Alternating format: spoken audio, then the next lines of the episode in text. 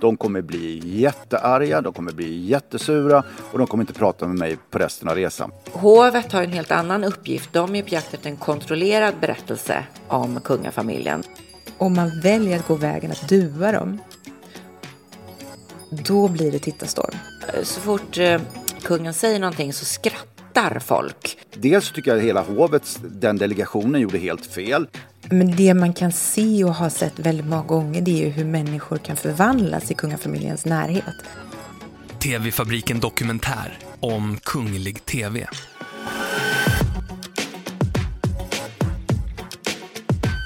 Fem, fyra, tre, två, ett. Varsågod. Kungen fyller 50 år på tronen. Prins Daniel fyllde 50, drottning Silvia fyllde 80. Det har funnits anledning att mediebevaka kungahuset just i år. Förutom året med kungafamiljen som år efter år följer de kungliga så har vi fått dokumentärer som Kungen och jag, Tronen, Kungen med två ansikten, Kungens innersta krets och den stora bevakningen av kungens 50 år på tronen som firades med pompa och ståt i Stockholm den 15 september med kortege genom huvudstaden och konsert vid det kungliga slottet som tv-tittare kunde följa minut för minut. Inte minst fick vi se födelsedagsporträtt på prins Daniel och drottning Silvia.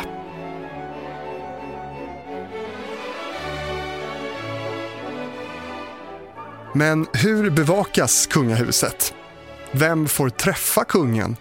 Och vad har hovet för krav på det som sänds? Du får ta den här. Ja, du får hålla den ungefär så. Ja, Avstånd är så. ja det där blir jättebra. Jag heter Karin af Klintberg. Jag är filmregissör och tv-producent. Och jag har gjort en eh, långfilm för bio, en dokumentärfilm om kungen. Men jag har också gjort eh, av delvis samma material men också dubbelt så mycket material så jag har gjort en tv-serie för Sveriges Television i tre delar om kungen.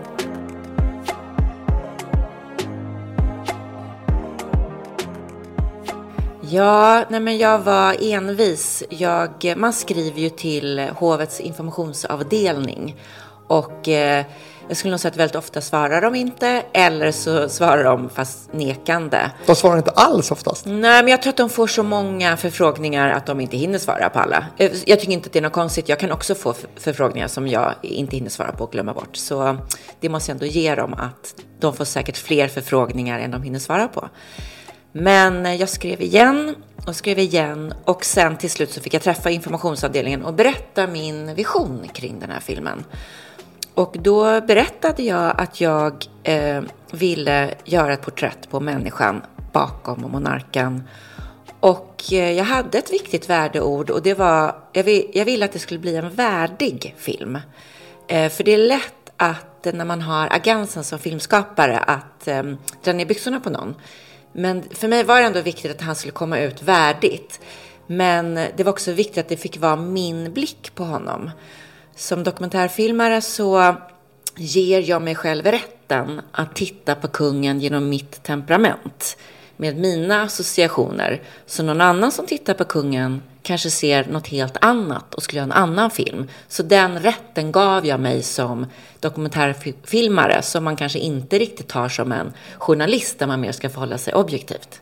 Hur lång tid tog det då? Från det att du skickade in det första mejlet till att det här kunde liksom börja spelas in? Ja, men jag vill minnas att det tog eh, ett, två år och sen så fick jag träffa informationsavdelningen och sen så fick jag träffa kungen utan kamera på ett långt möte.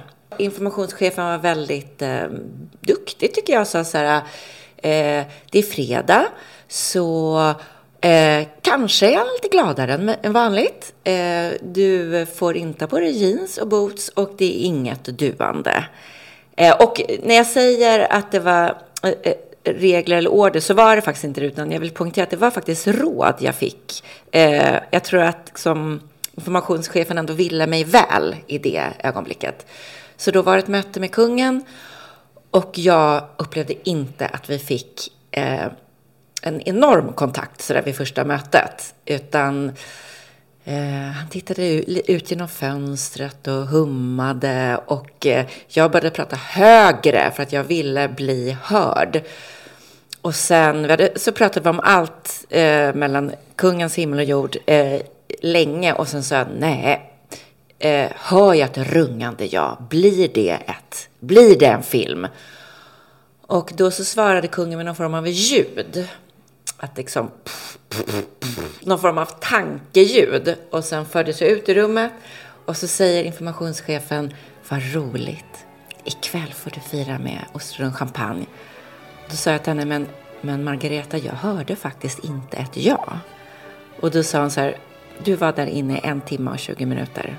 Hade det varit ett nej, då hade du åkt ut mycket fortare. Eller då hade mötet avslutats mycket fortare. Men jag hörde ju aldrig det där jaet och det försökte jag också jaga under eh, filminspelningens gång. Eh, och jag fick aldrig ordet ja, fast bevisligen fick jag ju komma tillbaks om och om igen.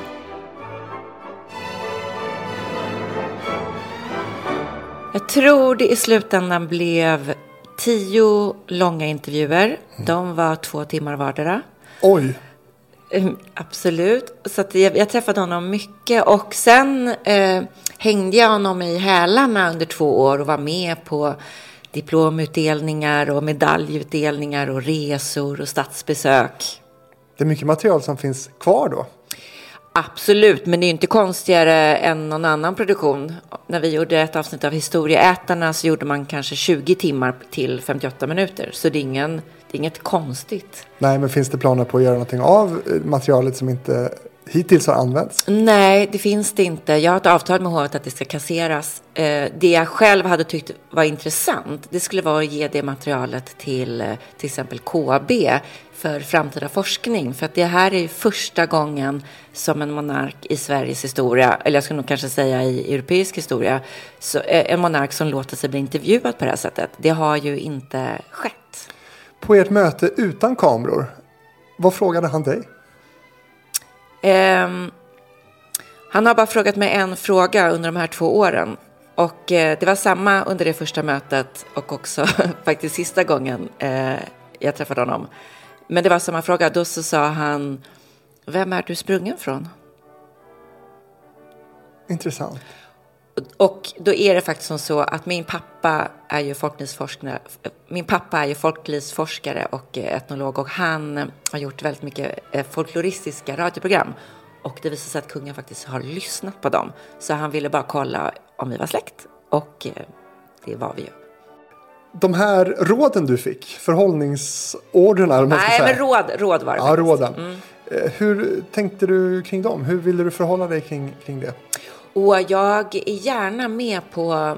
Jag såg det lite som eh, att det var... Att eh, världen runt kungen är lite som en teater där han spelar huvudrollen.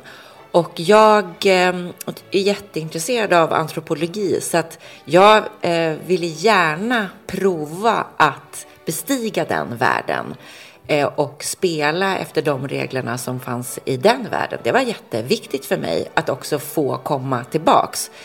Eh, men sen var jag på något sätt hela tiden för nyfiken så att jag kunde inte bara hålla mig på liksom, den eh, hovsamma sidan utan jag ville ju liksom, djupare.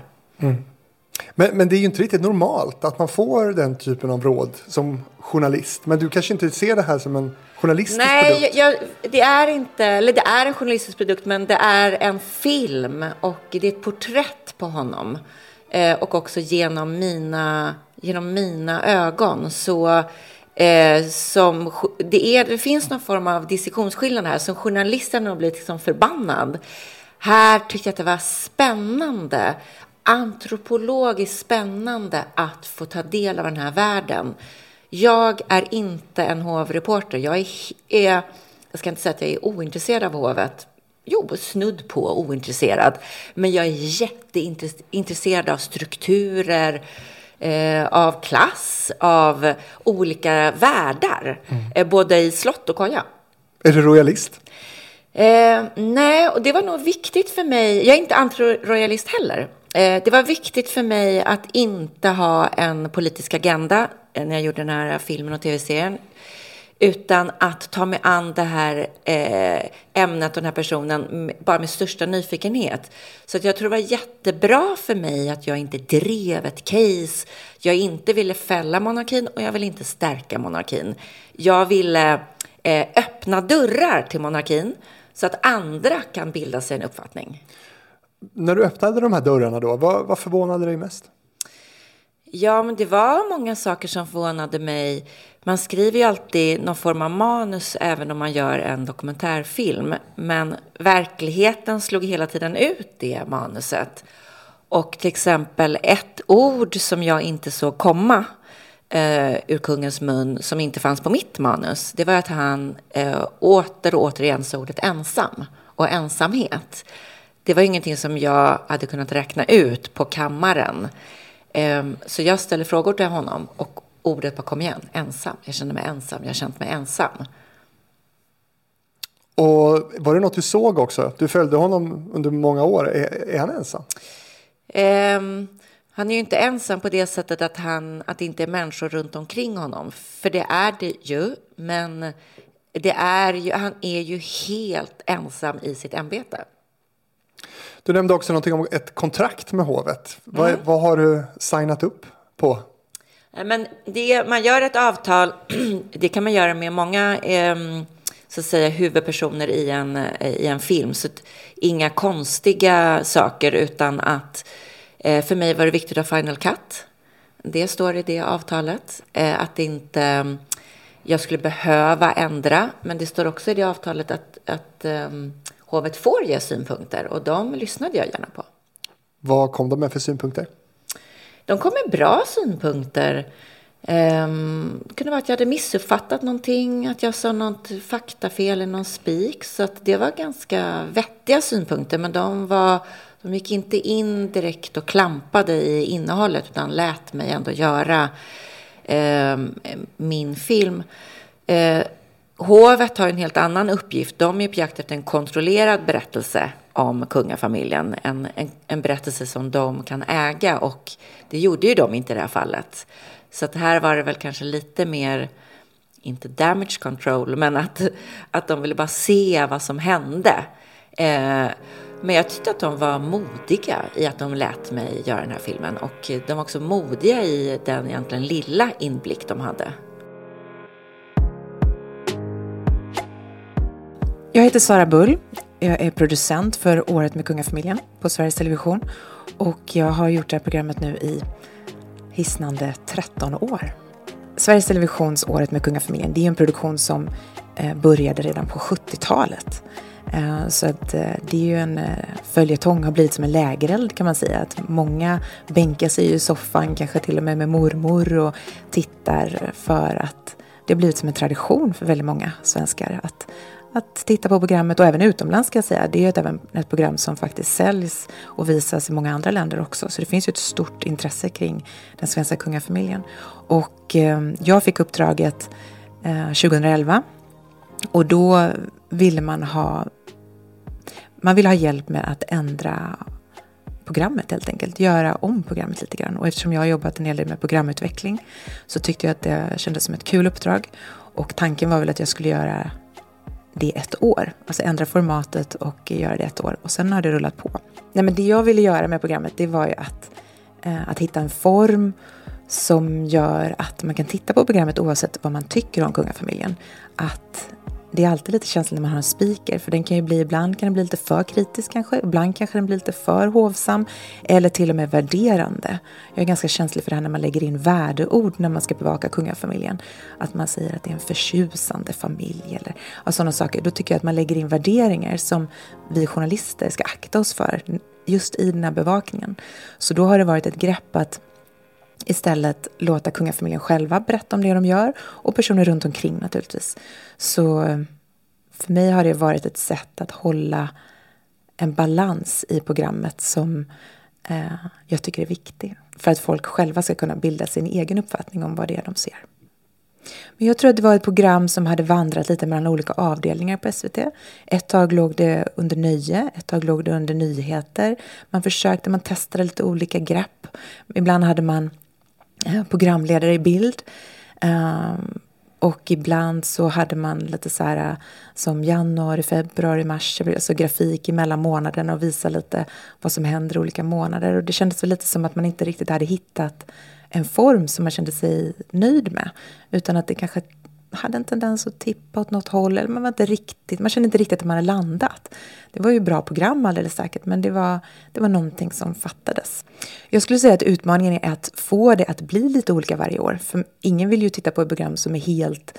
Eh, att man vet exakt vad som ska komma. Att, man blir liksom, att det inte finns någon, någon dynamik eller spänning i det. Utan jag tror nog att vi har försökt att låta varje års material skapa det programmet som det blir det året. Så att har det varit eh, Eh, kritik det året av någon anledning, då vill sådana saker lyfts fram. Har det varit någon skandal och vi fått ta i det. Har det varit att eh, kungafamiljen jobbat väldigt hårt med hållbarhetsfrågor eller um, invandring, alltså flyktingpolitik. Alltså det är liksom, vi försöker få det att spegla det som händer, det som är aktuellt i Sverige och för kungafamiljen just det året. Och hur har du då märkt av tv-boomen kring kungahuset just i år? Men den har väl varit svår att undvika för vem som helst tror jag. Det har ju varit så många olika produktioner, um, många olika kanaler, många olika personer som har uh, gjort en hel del. Så det har ju varit märkbart såklart. Och sen så har jag märkt att jag har försökt följa med genom att titta på de olika produktionerna. Och eh, bara det är en utmaning för det har ju varit väldigt många olika. Så att, eh, mm. Varför är det viktigt att, att eh, bevaka kungafamiljen? Det är ju det statsskicket vi har i Sverige. Så det finns väl en, eh, och det är en stor, jag menar det finns ju ingen formell makt på det sättet, men det är ju en väldigt mycket informell makt som kungahuset har på olika sätt. Och eh, när vi har ett sådant statsskick och vi har en statschef och en kung, eh, då tycker jag att det är jätteviktigt att svenska folket ska få se vad, eh, ja men vad går skattepengarna till och hur jobbar de och hur representerar de Sverige? Alltså året med kungafamiljen är ju... Vad ska man säga? Det är någon blandning av en... Vi filmar väldigt dokumentärt. Vi följer med, hänger på. Eh, men sen är det en journalistisk produkt på det sättet att vi ställer ju frågor. Vi har ju intervjuer. Ehm, man får göra research, man får sätta sig in i olika ämnen. Ehm, vissa år kan det vara ganska tuffa intervjuer. Andra år kanske det mer handlar om att man eh, få sätta sig in i något nytt spännande ämne. Och hur är det att bevaka kungafamiljen då? Men jag tycker det är roligt. Alltså, annars hade jag inte hållit på så länge. Um, jag tycker det är givande på det sättet att man själv får vara med om en hel del historiska upplevelser. Man får komma in på platser där människor, väldigt få människor kanske släpps in. Om man tänker sig att vi åker på ett statsbesök och ska besöka någon president eller någon annan kungafamilj eller något palats, men då gör vi det inte um, som turister som får gå bakom rep, utan vi får ju gå in när det är som allra vackrast. Man har smyckat alla salar, ljus lyser på borden och, och det är liksom ja, men stearinljus och blomsteruppsättningar och det är välkomstceremonier. Alltså man får ju uppleva saker och ting som är ganska fantastiskt. Plus att man får också se vad som händer bakom kulisserna. Man släpps även in kanske, i det här palatset kanske man även får gå in köksingången och gå igenom köken. Och liksom man, får, man får se och uppleva mycket och också lära sig mycket längs med vägen om hur saker och ting fungerar både i Sverige och utomlands när det gäller hur man ja, men både tar emot en kungafamilj men också hur man tar emot media. Kungen är ju den som har öppnat upp för media. Alltså när han tog över så um, var han ju den första som började göra intervjuer. Och han har väl varit väldigt öppen hela vägen med det att han har tyckt att det varit, han har sett att det varit viktigt. Får gratulera så mycket. Ja, tack så mycket. Fick ni reda på nyheten? Eh, det kan jag tyvärr inte tala om. Men som far till, till dotter så, så tror jag man får reda på det på ett alldeles speciellt sätt. Och det är ju skojigt och trevligt. Hur mår prinsessan? Ja, hon mår jättebra. Hon är inte här nu men eh, hon är i New York så att, det är jättebra. Ja. Blir ni överraskade? Hörru du, eh, jag tror det ganska normalt. Det är väldigt trevligt när sånt här händer. Det är väl inga konstigheter med det. Kommer ni vara sådana aktiva föräldrar som morföräldrar som Klart. hjälper till med blöjor och saker? Självklart kommer jag vara aktiv. Oh, om jag ska stänga ner hela butiken så bara pyssla med det hela tiden. Fast hon bor borta i New York förstås. Jag kommer inte vara i Sverige på flera, flera år. Så, så det blir nog bra. Majestät att hon blir morfar igen? ja, det är konstigt va? Inte det? Märkligt. Det blir ganska naturligt. Hur viktiga Oj, oj, oj, oj, vad upphetsad det blir. Ja. jag tror du jag får vänta det tills det blir morfar också får se. Okej? det är bra. Hur mår prinsessan? Ja, det mår säkert jättebra. Jodå. Ska de flytta hem till Sverige? Det är väl också intressant va? Säkert. Kanske flytta till Island istället. Det är bättre där. Tror jag är bättre. Okej, hej. Jag gissar att ni har någon slags gräddfil där som, som gör det här programmet som, som ja, premissen är väl att, att kungafamiljen är med i året med kungafamiljen. Ja, de måste ju inte. Det finns inga avtal vad jag känner till mellan Sveriges Television och Året med kungafamiljen utan det bygger på någon slags eh, ja, men ömsesidig eh, vad ska man säga, man vill ju få till ett program. Eh, och då kanske man förstår att det programmet blir bättre om man medverkar. Och eh, med ett bra samarbete så blir det ett bättre program. Det är väl så helt enkelt. Så det är ingen som är tvingad att medverka egentligen. Utan det, det är en dialog. Däremot så finns det en tradition. Det finns en tradition som egentligen har blivit svenska folkets tradition. Det här med att det är lägerelds-tv, att man bänkar sig hela familjen och, och att svenska folket har en förväntan om att det ska komma ett året med kungafamiljen. Någonstans vid jul, nyår, någonstans där så förväntar man sig att man ska kunna titta på ett program som på något sätt sammanfattar kungafamiljens år. Och det här vet ju svenska folket, det här vet SVT och det här vet kungafamiljen. Du behandlas som vilken journalist som helst i de här sammanhangen då? Ja, eller jag vet inte vad man ska säga. Jag har gjort det här rätt länge. Och sen är det klart att hovet är måna om att det här ska bli ett bra program. Um, precis som de är måna om att andra program också ska bli bra om de väljer att medverka i dem.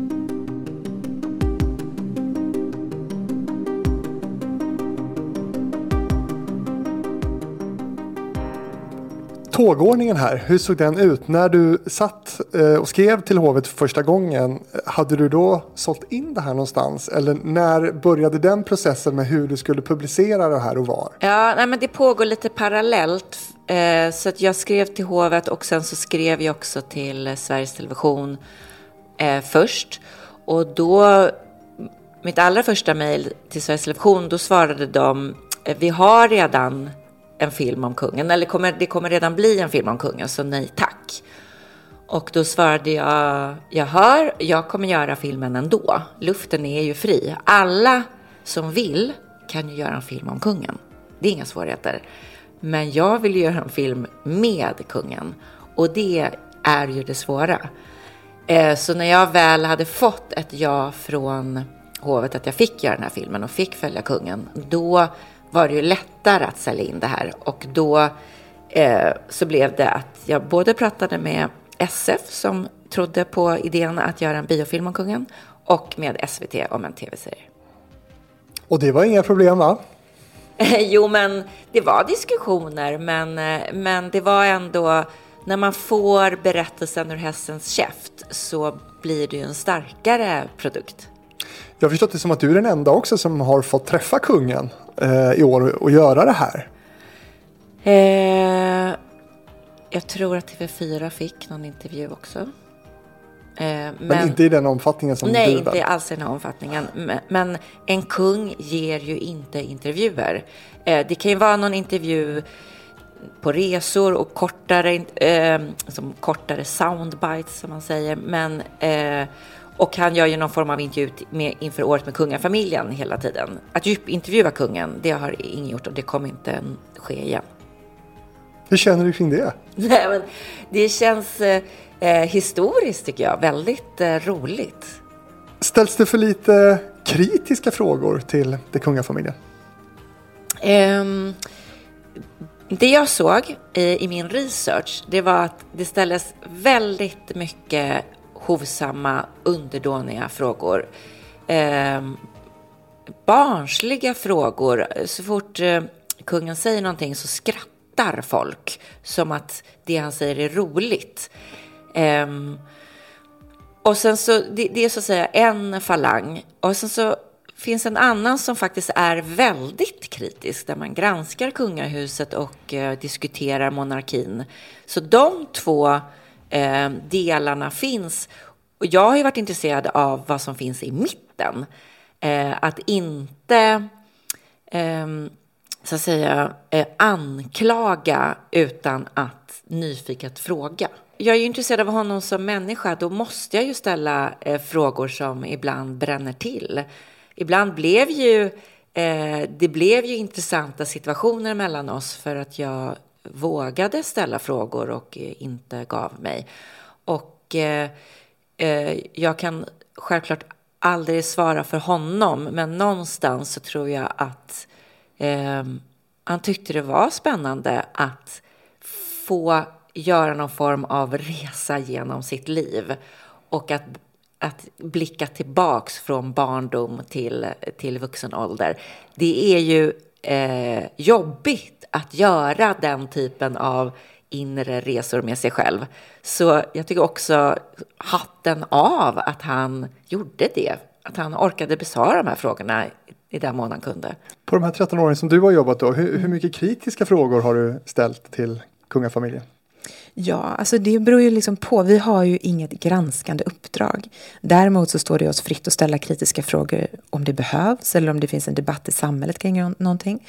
Ehm, men jag har ställt en hel del kritiska frågor skulle jag säga. Jag landade ju med det här projektet i knät så att säga 2011. Det var ju precis efter att Den motvillige monarken hade kommit ut, den här boken som vände upp och ner på allting under en period. Eh, så jag kom in när det var rätt tufft skulle jag säga. Ehm, kungafamiljen hade precis ehm, gått igenom en hel en hel del mediestorm och den, den mediestormen hade inte riktigt lagt sig då heller.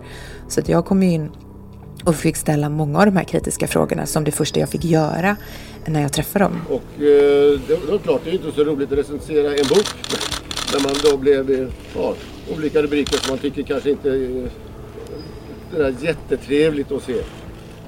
Och med tanke på de här rubrikerna och så har jag självklart eh, talat med både familj och, och med, med, med eh, drottningen.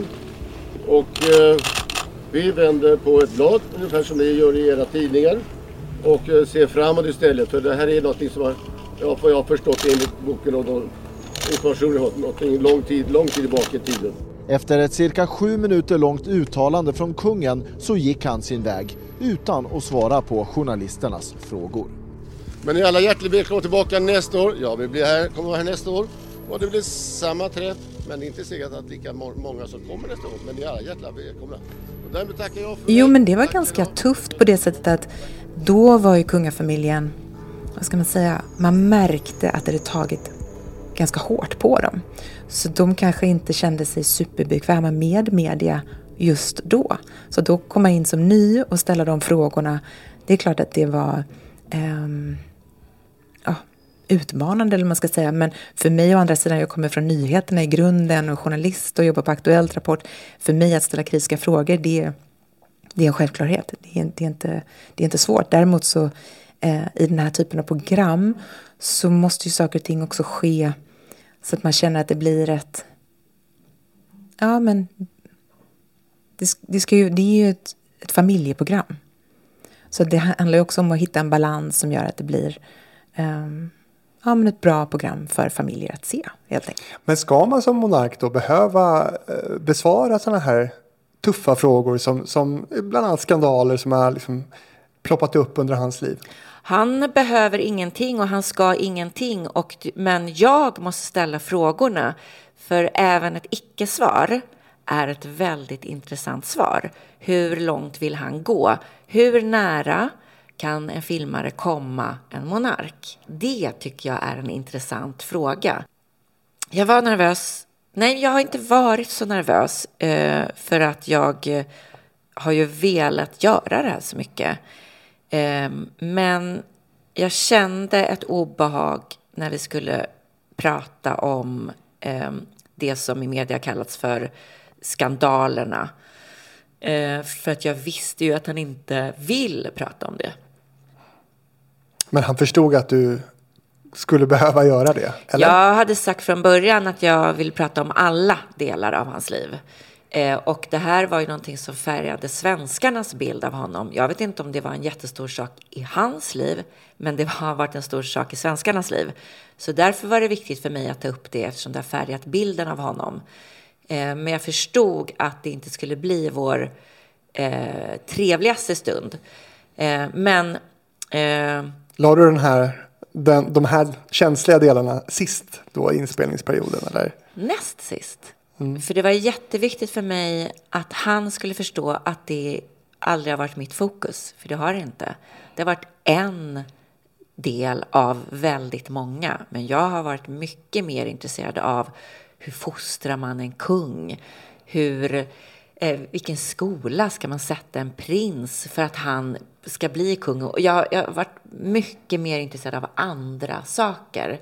Men det var viktigt att det här också fick finnas med. Men du kommer från nyheterna och är van att ställa kritiska frågor. Har du i den här miljön sett att, att det finns liksom en, en kunglig respekt även i liksom journalistkretsar kring den här familjen? Men det man kan se och har sett väldigt många gånger det är ju hur människor kan förvandlas i kungafamiljens närhet.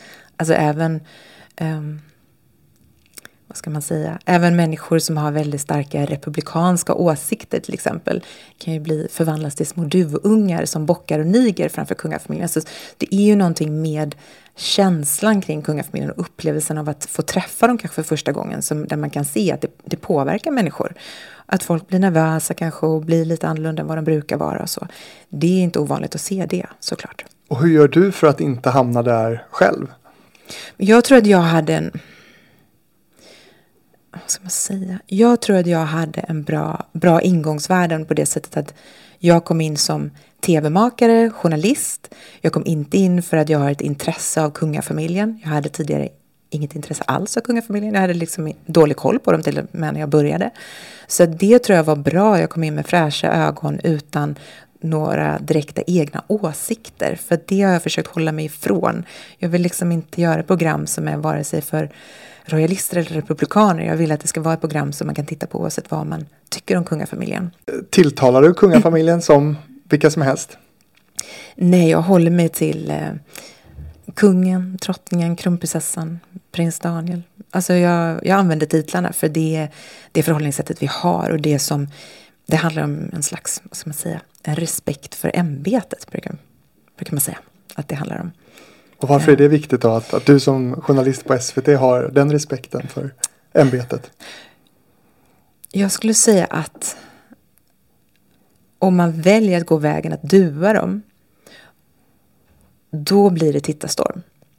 Och är det en tittarstorm som varför vill man ha den och vad blir fokuset då? Alltså det blir ju någonstans eh, Okej, okay, att man kan göra en grej av att göra det någon gång för att göra just en grej av det. Oj, kolla mig, jag vågar, kolla mig, jag tänjer på gränserna. Men i grund och botten så, för mig är inte det en viktig fråga. För mig så handlar det mer om att okej, okay, det här är en tradition, det här är vett och etikett, det är så här man förhåller sig, det är så här de önskar att det ska vara, det är så här svenska folket önskar att det ska vara, för om man bryter mot det så blir det en tittarstorm. Så för mig så är det inte viktigt. Och i början så klart att man kände kanske att oj, liksom, hur ska jag, tänk om det blir fel eller om man, eh, om man använder de här titlarna att det blir en typ av distans. Men för mig med tiden så handlar det mer om att det blir som ett tilltalsnamn. Att det blir som att säga kungen blir liksom, istället för ett namn. Så att om man tänker på det sättet så blir det inte så distanserande.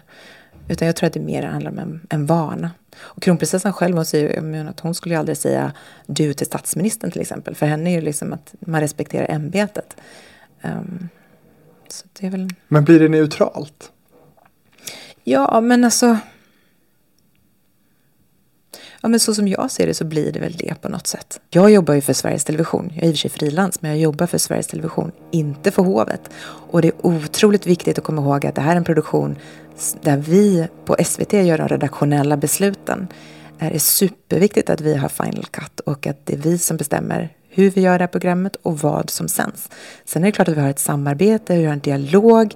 Um, men, uh, men vem som gör programmet och vad som ska vara i det, det är väldigt viktigt att det ligger på SVT. Mm. Att det ska vara ett oberoende program. Uh, och i grunden någon slags journalistisk produkt ändå. I Thailand som också har en kungafamilj, där har de ju ett program om kungafamiljen varje kväll klockan 20. Vore det något för Sverige? Alltså jag vet inte, allting är också en balans. Jag menar Sveriges Television ska ju inte gå kungafamiljens ärende. Och eh, kungafamiljen har ju själva olika plattformar där de kommunicerar vad de gör, både hemsida, liksom Instagram, sociala medier. Så att de kommunicerar ju själva vad de gör. Och det finns ju en, en, eh, en skilje, skiljelinje, det ska ju finnas en skiljelinje vad SVT ska göra och vad kungafamiljen själv ska göra, alltså hovet ska göra. Alltså under mina år så har det kommit och gått en hel del journalister. När jag började, då fanns det en helt annan bevakning kring kungahuset. Expressen hade sin egen fasta bevakning, Aftonbladet hade sin, Svensk Damtidning var alltid ute på fältet, TT var alltid med, säkert andra bildbyråer eh, och många gånger faktiskt även Dagens Industri eller eh, Svenska Dagbladet, alltså en hel del, stor bevakning. Um, sen har ju det ändrats under årens lopp. Många har trappat ner på sin bevakning. Men det har ju också, TV4 har ju tillkommit. De har ju sin egen version av Året med kungafamiljen. Och, men det som man kan märka med att det byts ut journalister, det är ju att man kan se vad som händer när de kommer in i jobbet först på en gång. Liksom. Att det är väldigt speciella villkor man jobbar under.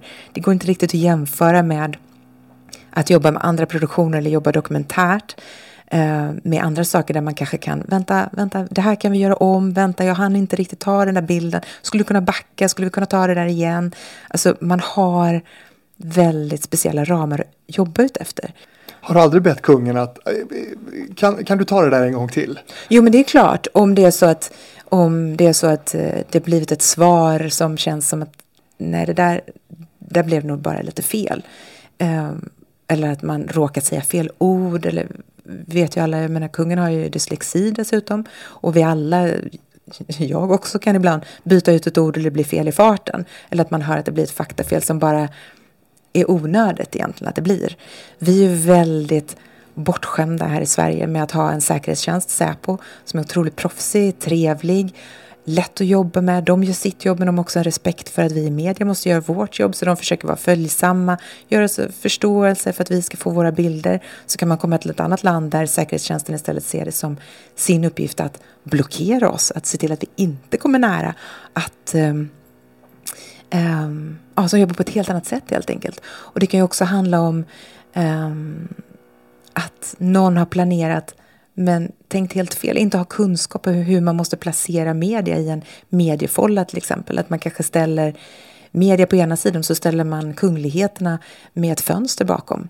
Och så säger man inga blixtar till stillbildsfotograferna. Det betyder ju att om de inte får använda blixt, då blir det svarta gestalter framför ett vitt fönster. Alltså, det är så många saker, så många detaljer som hela tiden vi som följer kungafamiljen är så beroende av att någon annan har gjort ett jobb och att de har gjort sitt jobb väl. Vad valde du för teknik till att producera det här? Um, jag började med väldigt eh, liten så att säga, apparat. Det var jag och en fotograf. En som, kamera? Mm, som också tog ljud. För jag ville att det skulle bli... Det, det är inte en, ett intimt, en intim situation att träffa kungen för att man är aldrig ensam med honom.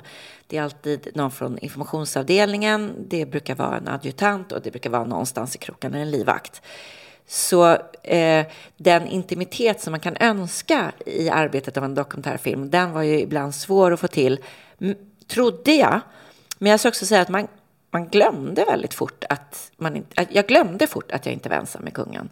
Så det tog, eh, det tog inte många minuter förrän man glömde bort att det faktiskt var folk som lyssnade runt omkring. Men jag ville börja med eh, bara väldigt, väldigt enkelt. Så det var jag och en kvinnlig fotograf som heter Pia, som heter Pia Letto. Och hon och jag, det var bara vi två som träffade kungen. Sen är det väldigt krångligt att vara fotograf och också ta ljud. Så efter några möten så lade jag till en ljudtekniker. Eh, som jag också nästan tänker att kungen faktiskt inte riktigt märkte. För jag ville, jag ville att han skulle på något sätt se mig, att det var han och jag som skulle prata, att han inte skulle bli stressad av jättemycket teknik och sladdar och saker som rasslar och tar tid. Ehm, men till slut så var det en ljudtekniker också.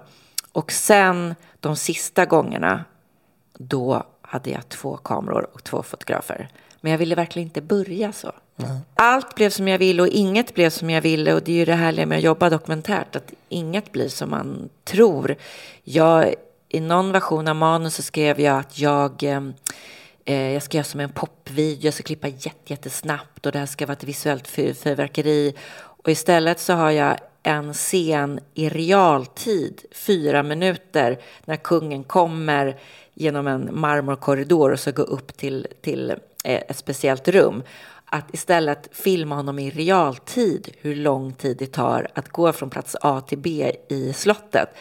Det var det roliga, att på något sätt värna vad som faktiskt fanns i materialet. Den tiden du fick för att spela in då med honom som var väldigt omfattande. Hur dealades det fram? Så att säga? Var det något du fick presenterat för dig eller hur gick det till?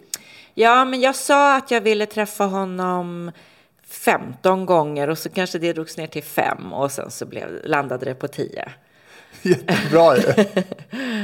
Börja högt. Mm.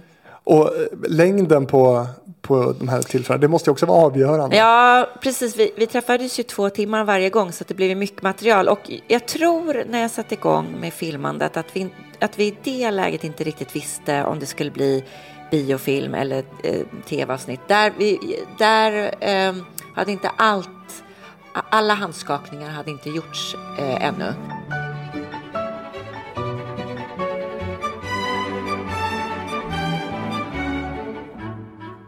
Men jag eh, har fått många frågor kring musiken i filmen. Och eh, det var viktigt för mig att gå emot väldigt mycket vanliga gestaltningar av kungen. När en kung, eller när vår kung visas i eh, tv, då brukar man lägga på en klassisk, ofta eh, väldigt generisk, kanske till och med friköpt musik. Varför ska han tonsättas klassiskt? Jag menar, han är ändå född 1946 klassisk musik, alltså det, musiken hör, hör inte till honom så jag ville gå emot alla vanliga ljudläggningar av eh, vår kung.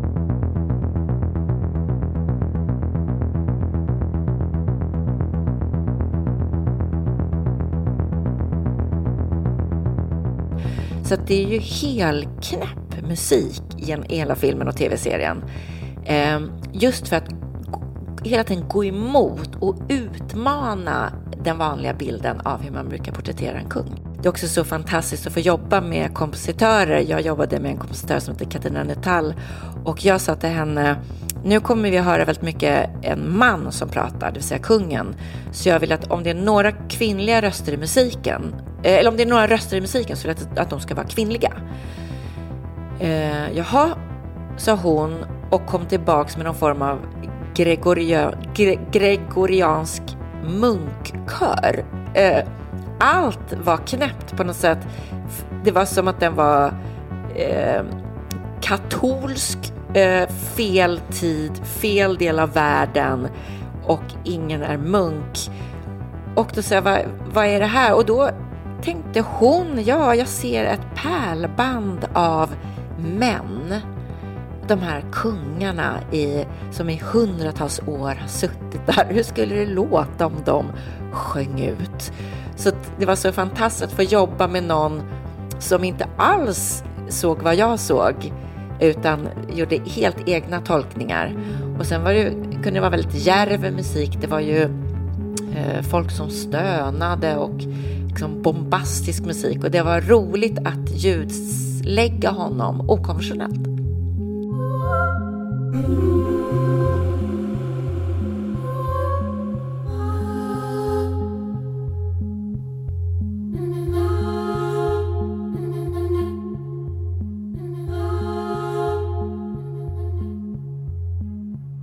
Det har varit intressant att eh, ta del av reaktionerna på filmen och tv-serien och speciellt tv-serien som når mycket, mycket bredare eftersom det har varit miljonpublik på tv-serien eh, så får jag ju väldigt mycket reaktioner.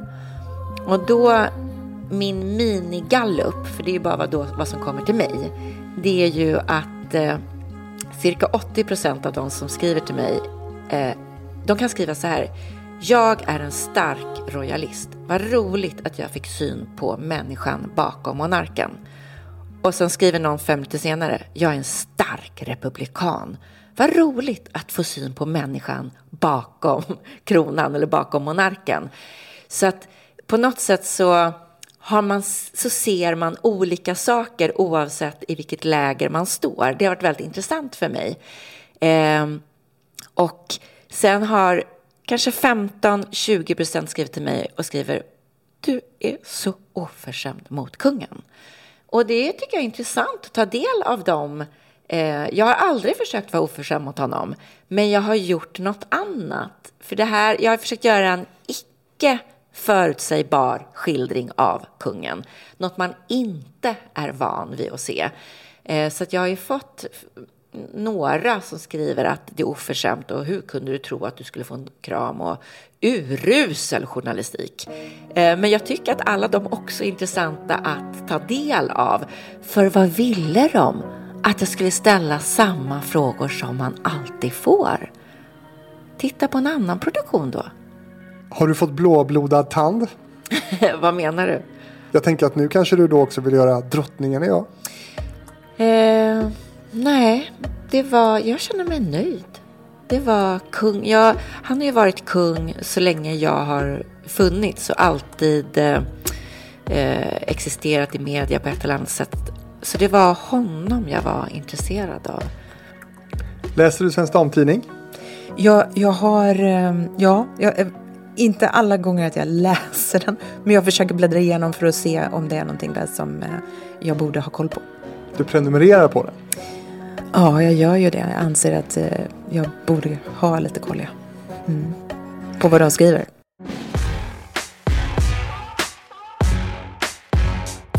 Eh, jag heter Johan T Lindvall, chefredaktör och ansvarig utgivare för Svensk Damtidning och har följt svenska kungafamiljen i princip sedan Victoria blev myndig 1995 och höll det där berömda talet i rikssalen till nationen och sin far. Hur har du märkt av då den här tv-boomen eh, som har varit kring eh, kungahuset i år? Ja, men det blir ju så att när någonting uppmärksammas så stort som kungen 50 år på tronen så blir det naturligt att man gör tv-produktioner, man gör tv-serier, man gör dokumentärer, man gör till och med riktig spelfilm och så vidare. Eh, och är det någon gång man ska göra det så är det ju vid ett sånt här stort tilldragelse som 50 år på tronen. Har det varit bra? Ja, det tycker jag väl. Eh, jo, jag, jo, men det tycker jag. Jag har själv varit med i flera av de där dokumentärerna. Eh, den jag tycker faktiskt var bäst tror jag faktiskt var Kungen med två ansikten, The Two-Faced King, eh, som Åsa Linderborg gjorde. Den gick faktiskt väldigt mycket på djupet. Jag gillar Karin och Klimpbergs film också, eh, verkligen, och som senare blev en serie. Nej, men jag tycker det har varit bra. Hög, hög nivå och kungen har bjudit på sig själv. Kungen avskyr media. Eh, tycker det är jättejobbigt, precis som Carl Philip. De är jättelika där tycker det är jätte, jättejobbigt med journalister, jättejobbigt med frågor, att medverka på sådana här saker. Men här tror jag nog att de har människorna kring kungen har gjort sitt yttersta för att få honom att inse att det här är bra, det här ska du vara med på. Eh, men han har ju inte gjort det frivilligt, absolut inte. För vilka produktioner är det som han själv har ställt upp i personligen? Ja, det är Karin Klimpbergs. Eh, ja, vad jag kan tänka på nu eller komma på så är det Karin Klimpbergs dokumentär. Ja. Mm. Jag tror att det handlar om att det var hon som person, att eh, de har ett stort förtroende för henne som person. Eh, att de visste att det inte skulle bli någon ful produktion och massa konstiga, jobbiga frågor. Eh, jag tror också att det handlar om att de har liksom bearbetat hovet och kungen under en lång tid. Det säger de själva under flera års tid för att få göra den här. Och jag tror att den, ja, det naturliga valet föll på henne och den produktionen för att man liksom tyckte att det var en seriös produktion. Mm. I Kungen och jag så är faktiskt kungen oväntat ganska oj, öppen eh, kring sig själv som person och så vidare. Öppnar upp sig mycket mer än vad jag trodde han skulle göra faktiskt. Som till exempel? Ja, men han pratar om privatliv och han pratar om det här liksom att, att kombinera att vara statschef med ett privatliv och så vidare. Och man får liksom komma in i salonger som man inte har varit tidigare på slottet. Så att det är lite, lite förvånande. Mm. Var det något annat som förvånade dig? Nej. Ja, och jo, kanske lite att han fortfarande i sånt här sammanhang är väldigt form, formell. Kungen är sprungen ur en väldigt konservativ uppväxt. Eh, han har vuxit upp med bara vuxna människor omkring sig. Eh, han har fått värderingar som är väldigt konservativa. Som ett exempel, han kommer aldrig abdikera. Även om folk tror och tycker det och så vidare så kommer han aldrig göra det för det gör man inte i hans värld. Saker ska helst vara som de har varit så det kanske inte är så jättemycket ibland för Sverige i tiden utan det är mer liksom att ja, så här har det varit och så ska det också vara. Det var ju därför han blev så otroligt arg när Carl Philip blev av med kronprinstiteln där 1980 och Victoria istället blev kronprinsessan. Man ändrade successionsordningen. Det har han ju fortfarande inte glömt. Det tog han ju upp här nu nyligen igen. Och det är ju lite märkligt men det visar liksom hur han, han är sprungen ur en väldigt konservativ bakgrund att han bara har ställt upp i en enda intervju då eh, det här året där, där han har det här stora jubileet. Är eh, inte det lite snålt? Jag tror att man också vända på det och tänka så här istället. Säg att han hade ställt upp på en massa intervjuer. Hur exklusivt hade då intervjuerna blivit? De väljer med omsorg. Det är lite som när Daniel väljer att bli intervjuad av Carina Bergfeldt. Han väljer en enda intervju och han gör det i en timmes tid. Och that's it. Då blir det ju fortfarande en exklusiv intervju. Vad tyckte du om den intervjun? Bra. Bra intervju. Eh, man märker när han får frågan om det här med skilsmässan hur irriterad han blir. Eh, där blir han lite tagen på sängen. Jag tror nog att han inte hade väntat sig att, att Bergfeldt skulle våga ställa den frågan. Vilket hade varit tjänstefel om hon inte hade gjort. Men den, den dörren stänger ju väldigt snabbt. Nej men jag tycker den var bra. Eh, faktiskt. Där var han också väldigt... Så privat har vi aldrig sett Daniel tidigare. Nej förvånansvärt obekväm tyckte jag han såg ut där i alla fall när han intervjuade där de sitter ner och liksom mm. Jo men det ser man ju när han, som sagt var när den här skilsmässofrågan kommer. Att han verkligen skruvar på sig och det där dörren vill han inte öppna igen alltså. Är det någonting av allt det du har sett i år då på, på tv och all den kunglig tv som har gjorts som, som du har saknat? Jag skulle nog vilja haft lite mer gått in på kungens relation till sina barn. Den vet man inte mycket om alltså vad har de för relation? Vem, vem har han bäst relation med eller har han lika bra relation med alla tre? Och hur ser deras relation ut och så vidare. Vi vet ju ingenting där. Det hade man velat veta mer. Och kanske lite mer om relationen med drottningen efter den här så kallade skandalboken 2010. Där vet vi ju alla att där var ju liksom det var ju otrolig kris i svenska kungahuset. Och hur ser deras relation ut idag? Eh, man skulle vilja ha hört henne lite mer faktiskt. Mm. Och varför är de här frågorna om relationer inom familjen så viktiga? Jag jobbar ju med det här dagligen och jag vet ju det när vi ska sälja tidningar eller vi ska, vi ska få folk att gå in på hemsidan och, och, och läsa svenskdam.se. Så är det relationer, relationer, relationer, relationer folk vill ha eh, och läsa om. Det här kanske är en, en, en konstig fråga till dig men, men eh, kan det bli för mycket kungligt på tv? Nej, i min värld kan det inte bli det. Men för gemene man som kanske dessutom vill ha republik så tror jag det kan bli alldeles för mycket. Eh, jag kan tänka mig att de som eh, vill ha republik har nog tyckt det här jobb, året har varit väldigt jobbigt. Den här öppenheten då, att de ändå ställer upp på intervjuer mm. och sådär, det har inte varit självklart historiskt. Den här eh, kungen och den här kungafamiljen är väl de första som gör intervjuer på det här sättet överhuvudtaget. Ja, men det är ju en ny generation och det kommer ju bli ännu mer öppet den dagen Victoria blir drottning. Det ser vi ju. Jag menar, det här går inte att jämföra med typ Gustav VI Adolf eller Gustav V. Utan det här är ju liksom, allt är, har ju sin tid. Eh, och kungahusen måste komma närmare folket för att kunna överleva. Så är det. På vilket sätt kommer det bli mer öppet tror du? Victoria är en mer öppen person. Hon är inte alls så konservativ som sin pappa. Hon är mycket närmare folket. Hon står verkligen, man säger en klyscha, med en fot i, i, i myllan och en fot i, i slottet. Eh, hon kan liksom kombinera båda två. Kungen har ju båda sina fötter i slottet. Ställs det för lite kritiska frågor till kungafamiljen? Ja, det kan jag nog tycka eh, när det gäller granskningar och så vidare. Och där har ju fortfarande kungen än idag inte lyckats hantera när han blir irriterad på reportrars frågor utan kan ju verkligen snäsa av reportrar. Det har vi ju sett flera klipp på. Framförallt när han blir ifrågasatt om exempelvis fastighetsbestånd eller ekonomi och så vidare. Har du själv blivit avsnäst? Ja, det har hänt några gånger. Berätta. Ja, det finns ju det finns bland annat en viral, viral sak som ligger på, ute på nätet när vi är på statsbesök i Botswana. Eh, och eh, har flugit till andra sidan jorden och eh, statsbesök då är alltid att det är drottningen och kungen som åker. Kungen i form av statschef och sen är alltid en näringslivsdelegation med.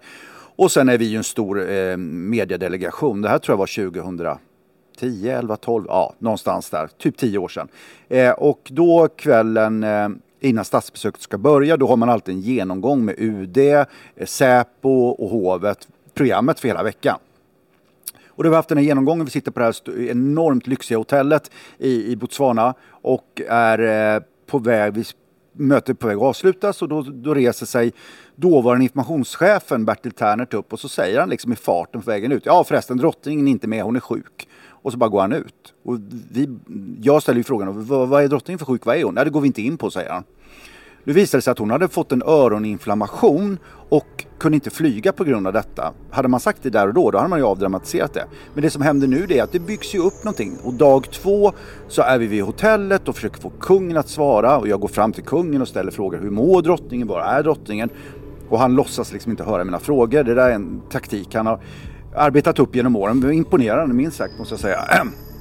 Ja, och eh, dag tre så säger Bertil Ternert att drottningen ska forslas hem till Sverige från Tyskland. Och då ser man den här bilden framför sig så det byggs upp ännu mer. Och dag fyra är den här pressträffen ute i djungeln någonstans i Botswana. Och då ställer jag frågan. Men när kungen fick frågor om drottningen från Expressens hovreporter Johan T Lindvall valde han att svara med ironi.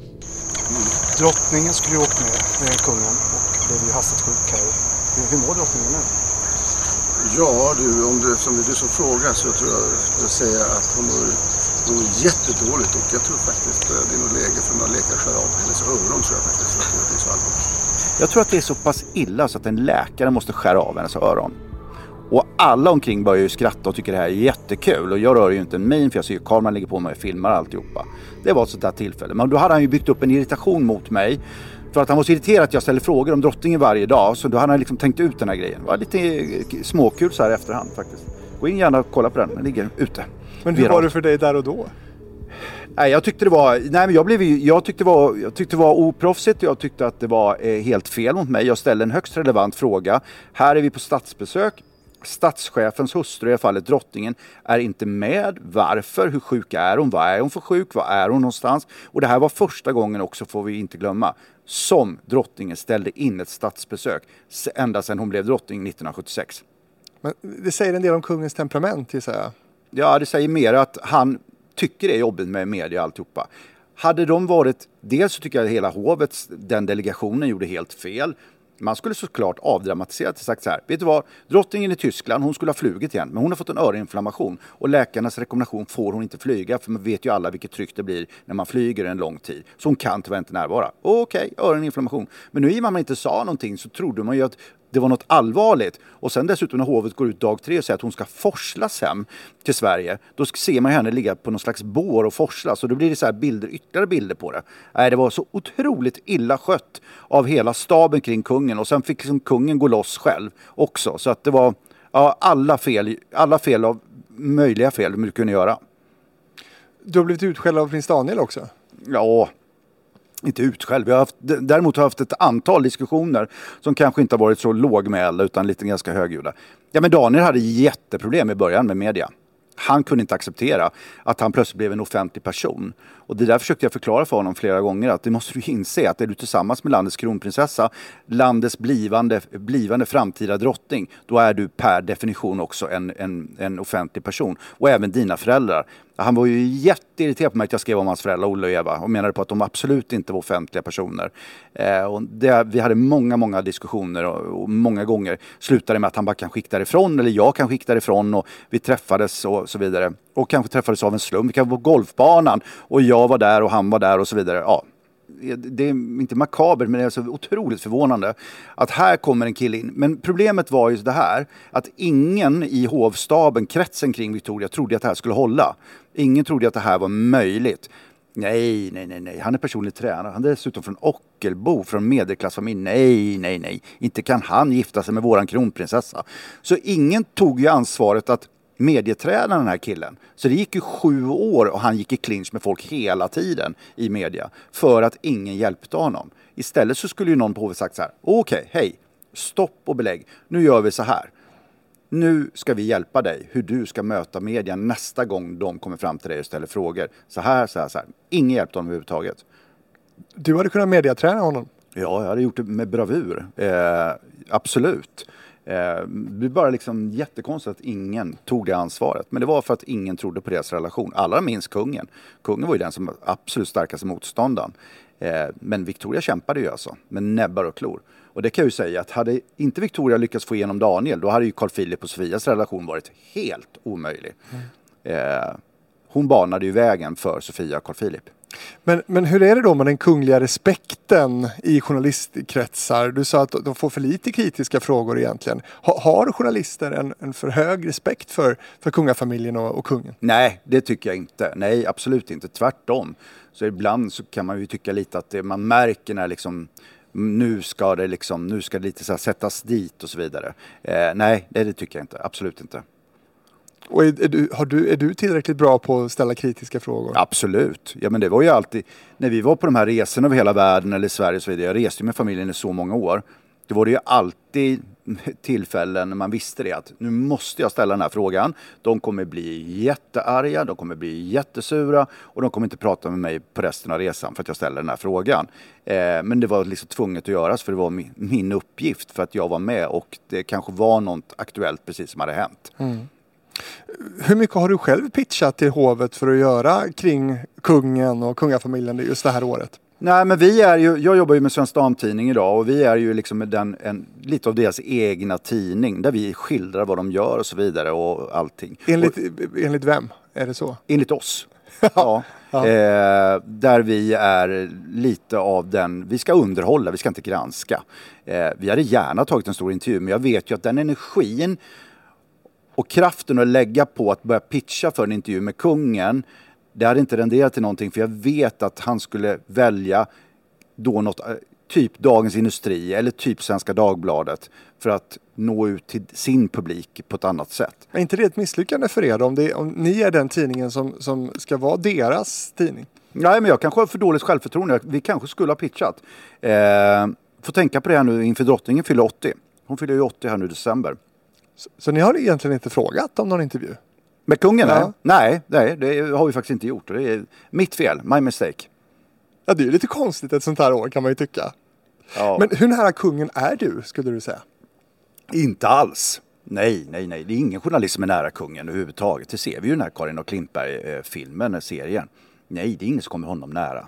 Eh, absolut inte. Har de en prenumeration på, på Svensk Damtidning? På Svensk Damtidning kommer både till, ut till Drottningholm, till Haga och till äh, slottet. Yes. Det ser du själv till att ja, de får? absolut såklart. Och även alla systrarna, kungens systrar. Birgitta får sin Svensk Damtidning ner till Mallorca. Självklart. Ja, just hon kan jag tänka mig sitter och bläddrar i den. Ja, ja, ja. Det är nog fler som bläddrar i, i Svensk Damtidning, det kan jag lova dig. Ja, vet du det? Vilka, ja. vilka i kungafamiljen läser din tidning? Ja, jag kan inte säga det, liksom, sitta här och säga, då kan hon bli jättesur på mig. Men jag kan bara säga så här, jag vet att de läser allt som skrivs om dem. Om det så är Svensk Damtidning eller Svenska Dagbladet eller om det är en, en tv-serie. De, de följer det. Framförallt Daniel. Daniel är väldigt, väldigt duktig på det. Ja. Då har han att göra. Vad hade du själv velat göra då? Eh, om du hade fått liksom eh, önska fritt i år? Nej, du... inte i år, men överhuvudtaget. Nej, men då skulle jag nog vilja skildra Daniel och Victoria. Eh, följa dem som par. Inte som eh, offentliga, utan, utan som, som eh, gift par. Hur ser deras relation ut? Eh, hur ser deras liv ut? Hur ser deras vardagsliv ut? Och så vidare. Det kommer ju aldrig ske eh, för någon. Men det hade varit väldigt intressant. 13 år med det här programmet då. Hur, hur nära skulle du säga att du har kommit kungafamiljen? Jag är väldigt mån om att hålla en professionell distans. Jag tror att det är, det är oerhört viktigt för mig för att kunna behålla det uppdraget. Att man håller den distansen. Så att jag kan ställa kritiska frågor om det krävs. Så att det är jätteviktigt. Men det är klart att de har koll på vem jag är. För vi har ju träffats hur många gånger som helst. Så att eh, det är klart att de kanske känner sig lite mer trygga när de träffar mig än en helt ny journalist. För de kanske vet, ah, ja men det här är men det är precis som när jag träffar dig nu. Jag har aldrig träffat dig förut. Du fick inga frågor på förhand. Det är klart att det är lite som att kasta sig ut för ett stup, lite fritt fall. Man bara hoppas att det ska gå bra. Uh, och det är klart att det är lite likadant för kungafamiljen när de träffar nya journalister. De vet ju aldrig vad de ska få för frågor. Det vet de inte när de träffar mig heller. Men man kanske har någon typ av förförståelse. Så, um, och bild av den personen. Har du fått en kram av kungen? Nej, jag har inte fått någon kram av kungen. Och det ska jag inte ha heller. Det vill jag inte ha. Jag är inte ute efter att bli kompis med kungen. Det är inte mitt jobb, inte mitt uppdrag. Har ni haft någon kontakt efteråt? Telefonen har inte gått varm från kungens sida. Eh, men eh, sista gången vi eh, träffades, som var då var en filmning och skildes åt, då så sa han faktiskt tack för god hantverksmässighet. Så det eh, kändes som att vi skildes åt på en god not och att det hade varit en intressant upplevelse för oss båda på ett eller annat sätt. Är vi sams? Eh, ja, det tror jag. Vi får väl se vad det blir av slutresultatet. Är det en kram? Kram! Vi gör så här. Kanske en annan gång. Vi Ja, ses. ja. Tack för dessa stunder. Tackar så mycket. Men någon kram blev det inte. Någon kram blev det inte och jag måste säga att jag tyckte kungen gjorde rätt. För han tjänar monarkin, han tjänar inte så att säga min film. Eh, så att eh, eh, jag tycker att det var ett väldigt intress en intressant scen då jag försökte få en kram av kungen när vi skiljs åt sista gången och han sa nej. För att han är ju till syvende och sist monark. Han ska inte ge mig en kram. Och jag tycker att det också antropologiskt är intressant. Han ska inte det. Och han, så jag tyckte han gjorde rätt. Men nevertheless så blir det ett intressant, en intressant scen. För att han är upphöjd. Det ligger i ämbetet. Men den där frågan, den stod inte i manus. Nej, nej, nej. Alltså det är en, en struntsak med det här att han vägrar ge henne en kram exempelvis när hon vill ha en kram och så vidare. Utan att det är handslag som gäller. Vi nöjer oss med det liksom. Att han fortfarande är så konservativ. Jag är ju lite av en hugger, så det var naturligt för mig. Och ehm, jag var på riktigt nyf- nyfiken om jag kunde få en kram. Men eh, han är monark och där, då blir det inga kramar. Du har hört TV-fabriken Dokumentär om kunglig TV. Producent och programledare Fredrik Rahlstrand. Även hovet har bjudits in till programmet för att prata om sin syn på den medieuppmärksamhet de har fått i år. Men de har avböjt. Har du tips på företeelser eller händelser i tv-branschen som du tycker att vi ska skildra eller berätta om? Hör av dig på fabrikspost gmail.com.